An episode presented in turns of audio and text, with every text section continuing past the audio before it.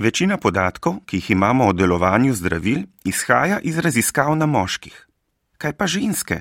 Ali bi morali zdravniki izbiro in odmerek zdravila prilagoditi glede na to, ali ga predpišajo ženski ali moškemu? Prav gotovo, odgovarja raziskovalec in predavatelj na fakulteti za farmacijo, dr. Lauro Žibrna. Zanimivo pri prilagajanju terapije glede na spolje, da zaenkrat uh, imamo samo nekaj primerov, kjer se je to upoštevalo.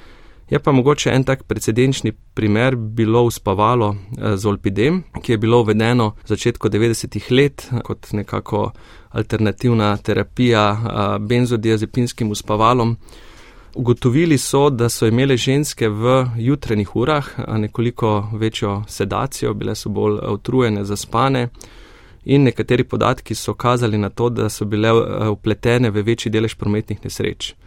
In to je a, ameriško agencijo FDA a, pripeljalo do tega, da so leta 2013 sprejeli sklep, da je potrebno odmerjanje zolpidema pri ženskah dati na 50 a, odstotkov.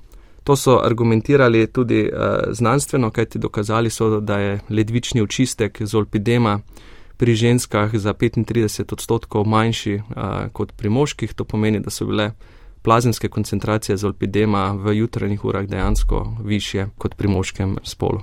Stranski oziroma neželeni učinki so močan argument v prid pozivu, da bi morali več vedeti o tem, kako zdravila delujejo na žensko telo. Dejansko je verjetnost za pojav neželenih učinkov pri ženskah precej večja.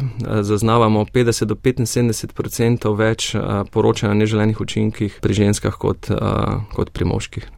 Čeprav vemo, da so ženske pogosto manjše in zdravila presnavljajo drugače kot moški, imamo na voljo razmeroma malo kakovostnih raziskav o teh specifičnih razlikah, opozarja profesorica Marša Stefanik z Stanfordske univerze.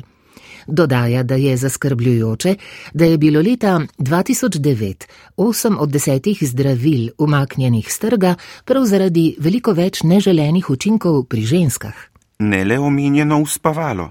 Na seznamu zdravil, za katere ženske poročajo o več neželenih učinkih kot moški, so med drugim tudi antipsihotiki in celo statini, to so zdravila za zniževanje holesterola. Dr. Žibrna. Največ podatkov kliničnih imamo iz področja srčno-žilne farmakologije. Recimo nekaj primerov lahko tukaj opišem. Eh, pri statinih, pri moških in ženskih, če prejemajo enak odmerek, so nekako epidemiološko dokazali, da ni razlik v učinkovitosti, je pa precej večji delež neželenih učinkov pri ženskem spolu. Recimo pri uporabi statinov imajo ženske večje tvegane za pojav mialgije, mišičnih krčev, šibkosti. Potem, če nadaljujem iz srčno-žilne eh, farmakologije, zelo veliko je bilo napisanega v preteklosti tudi o antagonistih beta-adrenergičnih receptorjev, ki jih uporabljamo za zniževanje previsokega krvnega tlaka oziroma stanjih po eh, srčnih infarktih. V literaturi najdemo tudi veliko podatkov za a, eh, antipsihotike. Tudi tukaj pri a, ženskah so bile opažene večje plazemske koncentracije. Zanimivo je bilo sicer, da bi bil terapevtski odgovor pri ženskah boljši, ne, kar je verjetno posledica tega, da so bile plazemske koncentracije večje, ampak izrazito uh, več neželenih učinkov. Tukaj je seveda uh, smiselno, ne, in tudi tem psihiatri veliko govorijo, da potem prilagodijo odmerek glede na pač neželene učinke. Ultrazvok ženske imajo drugačno presnovo zdravilnih učinkovin kot moški. In seveda, če so naše raziskave pridobljene zgolj na moških posameznikih, na podlagi katerih ocenjujemo potem plazemske koncentracije, to pomeni, da bo ta presnova lahko pri ženski bodi si koncentracije povišala, bodi si znižala. Če nekoliko dlje nadaljujemo to zgodbo o razliki v uh, fizioloških lastnostih. Velja tudi pri ženskah, da je absorpcija učinkovin uh, lahko drugačna. Ženske imajo značilno nekoliko bolj upočasnjeno gastrointestinalno motilnost, kar pomeni, da bi naprimer tista zdravila, ki jih moramo jemati na prazen želodec uh, in čas do zaužitja hrane, bi moral biti pri ženskah nekoliko daljši kot pri moških. Razlike med moškimi in ženskami so tudi v sami telesni sestavi, pravi dr. Žibrna. Ženske imajo precej večji odstotek telesnih maščob kot moški oziroma precej manjšo količino vode. Torej, tista zdravila, ki so recimo bolj lipofilna, ki se bolj topijo v maščobah, se bodo seveda imela večji volumen distribucije v ženskem telesu, posledično se lahko tudi dlje časa kopičijo v teh maščobnih rezervarjih kot pri moških. In seveda tista zdravila, ki so pa bolj eh, vodotopna, bodo pa pri ženskah lahko zaradi manjše količine vode v telesu v plazmi dosegala večje koncentracije in posledično eh, večje delovanje. Tudi iz tega vidika bi bilo seveda potrebno terapijo eh, prilagoditi na sam spol. Vsemu, kar smo slišali, sledi logično vprašanje: zakaj nimamo podatkov, kako določeno zdravilo učinkuje na moško in kako na žensko telo? Zakaj raziskovalci v študije ne vključijo več žensk? Ja, tukaj imamo seveda uh, več razlogov, bi moče začel iz vidika samih kliničnih um, raziskav. Zaradi uh, zapletov, ki so se zgodili v 60-ih letih, talidomit je bil mogoče tak precedenčni primer, kjer so se rodili otroci z številnimi uh, hudimi deformacijami, niso imeli prisotnih uh, okončin. Se je potem FDA, ameriška agencija, leta 1977 odločila, da je potrebno v celoti izključiti ženske v rodni dobi iz kliničnih študij v prvi in zgodni drugi fazi raziskovanja. Seveda, kasneje se je ugotovilo, da je bilo pomanjkanje informacij, ne, kako se zdravila obnašajo v ženskem organizmu. Zato so potem leta 1993 sprejeli zakon, ki je zahteval ponovno vključitev žensk v uh, klinične študije. Sveda, sedaj, če nekoliko pogledamo nazaj, lahko ugotovimo, da je večina zdravil, ki jih trenutno predpisujemo tudi v klinični rabi, dejansko bila registrirana pred letom 1993. Ne. Zato za večino teh zdravil nimamo podatkov ali podatkov o tem, kako se zdravilo uh, v ženskem telesu razlikuje od uh, zdravila v moškem telesu. Govorimo o plazemskih koncentracijah, o porazdelitvi, o presnovi zdravila, o hitrosti izločanja zdravila, torej o teh farmakokinetičnih uh, parametrih. Seveda določene znanstvene študije sedaj določene zdravila ponovno testirajo in poskušajo razložiti ravno ta pojav, zakaj je določenih neželenih učinkov pri posamezni učinkovini več pri ženskah kot pri moškem. Primer zdravila oziroma učinkovine talidomit je na portalu Kvarkadabra opisala Taja Železnik Ramuta. V poznih 50. in zgodnih 60. letih prejšnjega stoletja se je rodilo več kot 10 tisoč otrok s prirojenimi napakami.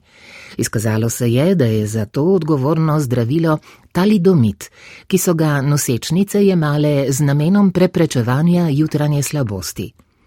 Le 17 izmed teh otrok je bilo rojenih v Združenih državah Amerike, za kar je zaslužna uslužbenka ameriškega zvezdnega urada za hrano in zdravila Francis Kelsey. Ta zaradi pomankljive dokumentacije o varnosti ni odobrila dovoljenja za prodajo talidomida v Združenih državah. Še posebej jo je zmotilo dejstvo, da zdravilo ni bilo testirano na brejih živalih in zato ni bilo možno ugotoviti, ali učinkovina lahko prehaja prek posteljice na plot. Ultrazvok. Največji problem prilagajanja terapije pri ženskah je seveda, ko stopijo v stanje nosečnosti. Tukaj nimamo kliničnih raziskav, ker bi nosečnice vključevali, ker to seveda ne bi bilo etično. Telo se enormno spreminja, hormonska slika je spremenjena, imunski sistem je eh, spremenjen. Tukaj govorimo o ranljivosti fetusa. Številna zdravila lahko povzročijo uh, poškodbe v embriogenezi, takrat govorimo o tako imenovanem teratogenem um, delovanju uh, zdravil. In tukaj se seveda pojavi potem za zdravnika terapeuta huda dilema. Ne, noseče ženske lahko zbolijo, lahko potrebujejo zdravila, o katerih nimamo podatkov, ali vplivajo na razvoj ploda ali ne vplivajo na razvoj ploda. Prav tako je druga dilema, ki, s katero se soočajo terapeuti, da lahko bolnice na kronični terapiji zanosijo in seveda v času nosečnosti potrebujejo določeno terapijo. Tukaj se seveda veliko krat sklicujemo potem na podatke pridobljene iz uh, živalskega sveta, iz uh, reproduktivne toksičnosti na živalih, ali pa na določenih kliničnih primerih, ki so se zgodili v primeru, da je določena bolnica prejemala terapijo. So pa to težke odločitve, tako za zdravnika, ki zdravi bolnico, kot tudi za samo nosečnico, ki se mora odločiti, da bo določeno uh, zdravilo prejemala, seveda z mislijo na to, da je uh, sam plot lahko zelo ranljiv že v nizki izpostavljenosti določeni snovi. Zdravniki se zavedajo razlik v fiziologiji ženskega in moškega telesa, zaključuje dr. Lauro Žibrna. Zdaj na svet strokovni, ki velja, je, da v primeru, da a, ženske bolnice opazijo precej več a, neželenih stranskih učinkov, ali pa obratno, ne, seveda lahko govorimo tudi pa o zmanjšanju terapevtske učinkovitosti, ne, okolikor bi bile koncentracije v plazmi preniske.